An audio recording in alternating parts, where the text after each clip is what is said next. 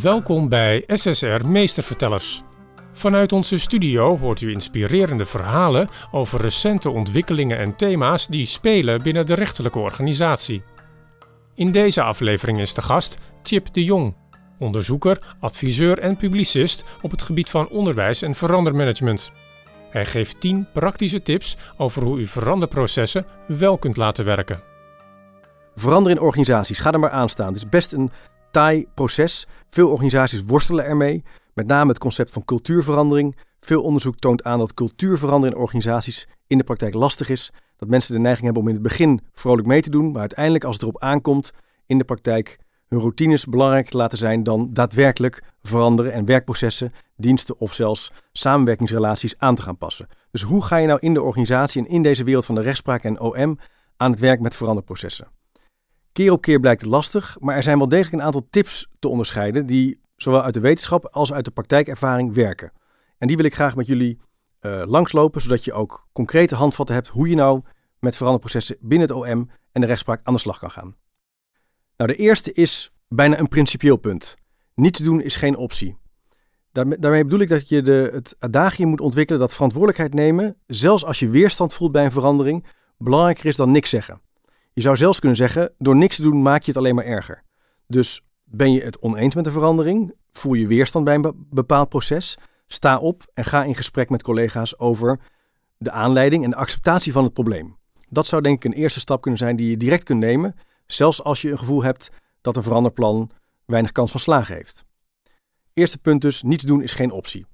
Tweede punt is, als je het gevoel hebt dat je het nog een vage, grote, uh, uh, niet concrete doelstelling vindt, door de, het veranderplan klein en concreet te maken. Dus door een eigen persoonlijk verhaal te formuleren waarin die verandering meetbaar wordt en zichtbaar wordt. Je zou ook kunnen zeggen, maak de stip op de horizon klein en concreet. Zo heb ik ooit bij een scholenorganisatie een onderzoek gedaan naar meer uh, effectieve samenwerking. En is uiteindelijk het meest succesvolle school was een school die is begonnen met zijn rommel op te ruimen in de teamkamer. En de kelder is gaan opruimen.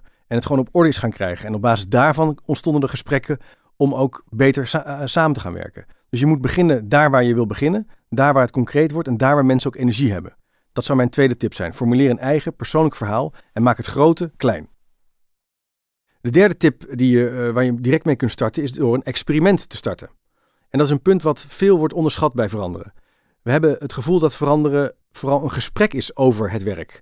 Maar uiteindelijk is veranderen iets uitproberen en leren. Dus je zult een experiment moeten kunnen durven starten, waarin je een mogelijkheid of een gewenste richting kunt uitproberen en kunt verkennen of het haalbaar is. Door hierop te reflecteren, samen met collega's, door te kijken of iets werkt, kun je eigenlijk vooruitgang bouwen en ook momentum ontwikkelen. En zo is het mogelijk om een saaie vergadering waar je last van hebt, in korte tijd misschien wel om te toveren in een kortere vergadering, of een rolerend voorzitterschap, of staand vergaderen, of welke vorm je ook kan uitproberen, waardoor je ook kennis gaat vergaren wat werkt en wat hier niet werkt. Dus dat is mijn derde tip: probeer iets uit en start een experiment. Mijn vierde tip is: praat niet over anderen, maar vooral over jezelf. Dit is bijna een levensles. Het voordeel is dat je ook niet cynisch wordt. Veel mensen in organisaties hebben de neiging om over anderen te praten als het over een verandering gaat. Door als het ware te zeggen: Nou, wij moeten inderdaad wel digitaal werken, maar dat moet eerst maar eens even dat andere team doen, want wij doen dat al. Of het is heel erg belangrijk om meer te luisteren naar de burger, maar ja, ik doe het eigenlijk al in mijn werk, dus dat moeten anderen dan maar eens doen. Of ik wil het wel doen, maar mijn, mijn manager heeft, maakt er helemaal geen tijd voor. En bij veranderen is het eigenlijk ontzettend belangrijk om over ik te praten en niet over wij. Je zou zelfs kunnen zeggen, naarmate mensen meer over de organisatie praten of over wij, er, ja, je zou kunnen zeggen, um, rode stoplichten zijn waar dingen, iets, waar dingen niet goed zijn. Praat over jezelf, leg de invloed bij jezelf en niet bij anderen en probeer dingen uit. Dat is mijn vierde tip. Praat niet over anderen, maar praat vooral over jezelf en probeer dingen uit. Mijn vijfde punt is, dan wil je aan de slag gaan en dan wil je natuurlijk dat doen met anderen. De neiging kan zijn om dan hele grote projectteams uh, samen te stellen of vergaderingen te gaan beleggen om het over de verandering te hebben. En dat zou ik allemaal niet doen.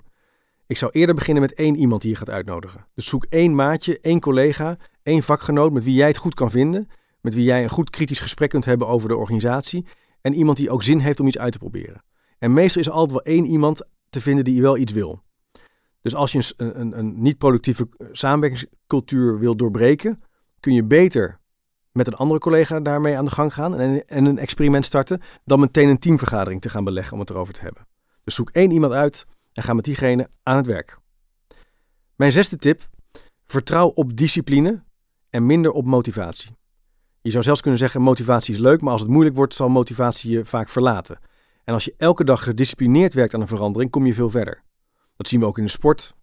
Topatleten zeggen dat ook. Je moet elke dag trainen, daardoor word je beter. We hebben de neiging bij veranderprocessen om het sterk te hebben over de motivatie, de intrinsieke motivatie van collega's als graadmeter voor de verandering. Maar die is onbetrouwbaar. Je zult zien dat als je elke dag aan iets werkt, door bijvoorbeeld in vijf minuten aan een plan te werken, en meer ook niet, en dat elke dag gedisciplineerd doen, je veel verder komt dan dat je één keer in de maand een teamvergadering gaat beleggen. Dus dat is mijn zesde tip: vertrouw op discipline en minder op motivatie. Mijn zevende tip is te erkennen dat de routines die je hebt als professional meestal de, verandering in de weg staan.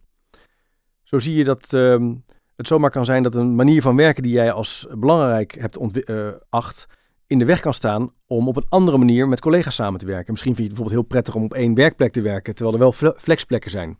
Of heb je het gevoel dat, uh, dat, klantgerichtheid wel belangrijk is, maar ja, uh, je hebt altijd wel de neiging om eerst alle stukken te lezen voordat je die klant gaat bellen of die, die burger gaat bellen. We weten uit onderzoek dat routines een sterke bepaler zijn van gedrag en handelen. En dat die, diezelfde routines ook het veranderen in de weg kunnen staan. Nou, hoe kan je daar nou mee aan de gang gaan? Door de routines ook in kaart te gaan brengen. Dat zou je dus bij uitstek kunnen doen in een teamoverleg of met een collega. Wat zijn onze dominante routines die de verandering in stand houden? Die, die zorgen dat de verandering niet werkt. Kunnen we ze uitwerken? Zijn er drie, vier routines? En hoe kunnen we de routine doorbreken? Dus kunnen we onszelf een andere beloning geven? Of kunnen we bijvoorbeeld de routine ter discussie stellen en waar nodig vervangen voor een nieuwe routine. En als je dat doet, zal je zien dat nieuwe routines nieuw gedrag opleveren, nieuwe leerervaringen en daarmee verander je. Dat is mijn zevende tip. Stel je routines ter discussie. Mijn achtste tip is, en dat zal wellicht haak staan op de hoge professionele norm die binnen de rechtspraak en het OM geldt, uh, jezelf soms professioneel ongehoorzaam op te stellen. Daarmee bedoel ik niet dat je meteen uh, kwetsbare processen moet aan gaan passen die gaan over rechtspraak. Maar als je het gevoel hebt dat een bepaalde werkafspraak of een bepaald systeem niet goed functioneert en het werkt om het anders te doen, dan zal je soms ook de regels moeten breken zonder toestemming te vragen. En je zal ook zien dat, en dat wordt ook onderbouwd door onderzoek, organisaties die dat doen, laten zien dat het werkt. En als het werkt, wordt het zichtbaar. En als het zichtbaar is, wordt het groter. Dus laat je niet te veel tegenhouden door het systeem en probeer in het klein te veranderen. Zo heb ik een onderzoek gedaan bij een grote supermarktketen, waarin uh, een aantal supermarktmanagers erachter kwamen dat het inkoopsysteem van de groente en fruit op een bepaald moment gedurende de dag moest plaatsvinden, om vier uur. En dat was een slecht tijdstip, waardoor ze verkeerd inkochten en uiteindelijk heel veel moesten weggooien. Nou, dat systeem konden ze volgens de, het hoofdkantoor niet aanpassen. Dat hebben ze toch gedaan. Ze hebben buiten de regels om de inkoper gebeld. En ze hebben een ander tijdstip uh, toegevoegd aan dat inkoopsysteem. En dat leidde ertoe dat ze minder hoefden weg te gooien. En toen het eenmaal werkte, werd het heel gauw geadopteerd als nieuwe regel. Dus soms moet je de regels een beetje ter discussie stellen of professioneel ongehoorzaam zijn om toch resultaten te bereiken. Mijn negende tip: maak nieuwe vrienden. En daarmee bedoel ik, het kan ontzettend goed werken om de buitenwereld, dat kunnen partners zijn met wie je samenwerkt of ketenpartners in de, in de rechtspraak, te betrekken bij je proces van veranderen. De neiging is meestal om dat pas op het eind te doen, dat zien we ook in uh, innovatie en vernieuwing in scholen. Dat ze zeggen, nou, de leerlingen en de ouders die willen we pas op het eind van het vernieuwingsproces erbij halen. Anders wordt het zo'n gedoe. En mijn pleidooi is, haal het gedoe juist naar voren en doe het meteen. Als je het meteen doet, creëer je zichtbaarheid. Je creëert duidelijkheid waar de verandering over moet gaan. En je creëert beweging. Dus maak nieuwe vrienden, zoek de buitenwereld op en haal die naar binnen in je organisatie of andersom, ga erop uit. Mijn laatste tip is, je moet wel je eigen slingers ophangen. Dus vier je succes. Onderzoek laat ook duidelijk zien dat veranderprocessen die werken, die hebben het van een zichtbaarheid in de organisatie. Er hangen, er hangen bij wijze van spreken posters in de, in de kantine. Er is uh, misschien wel een, uh, ja, een kunstwerk wat ergens hangt.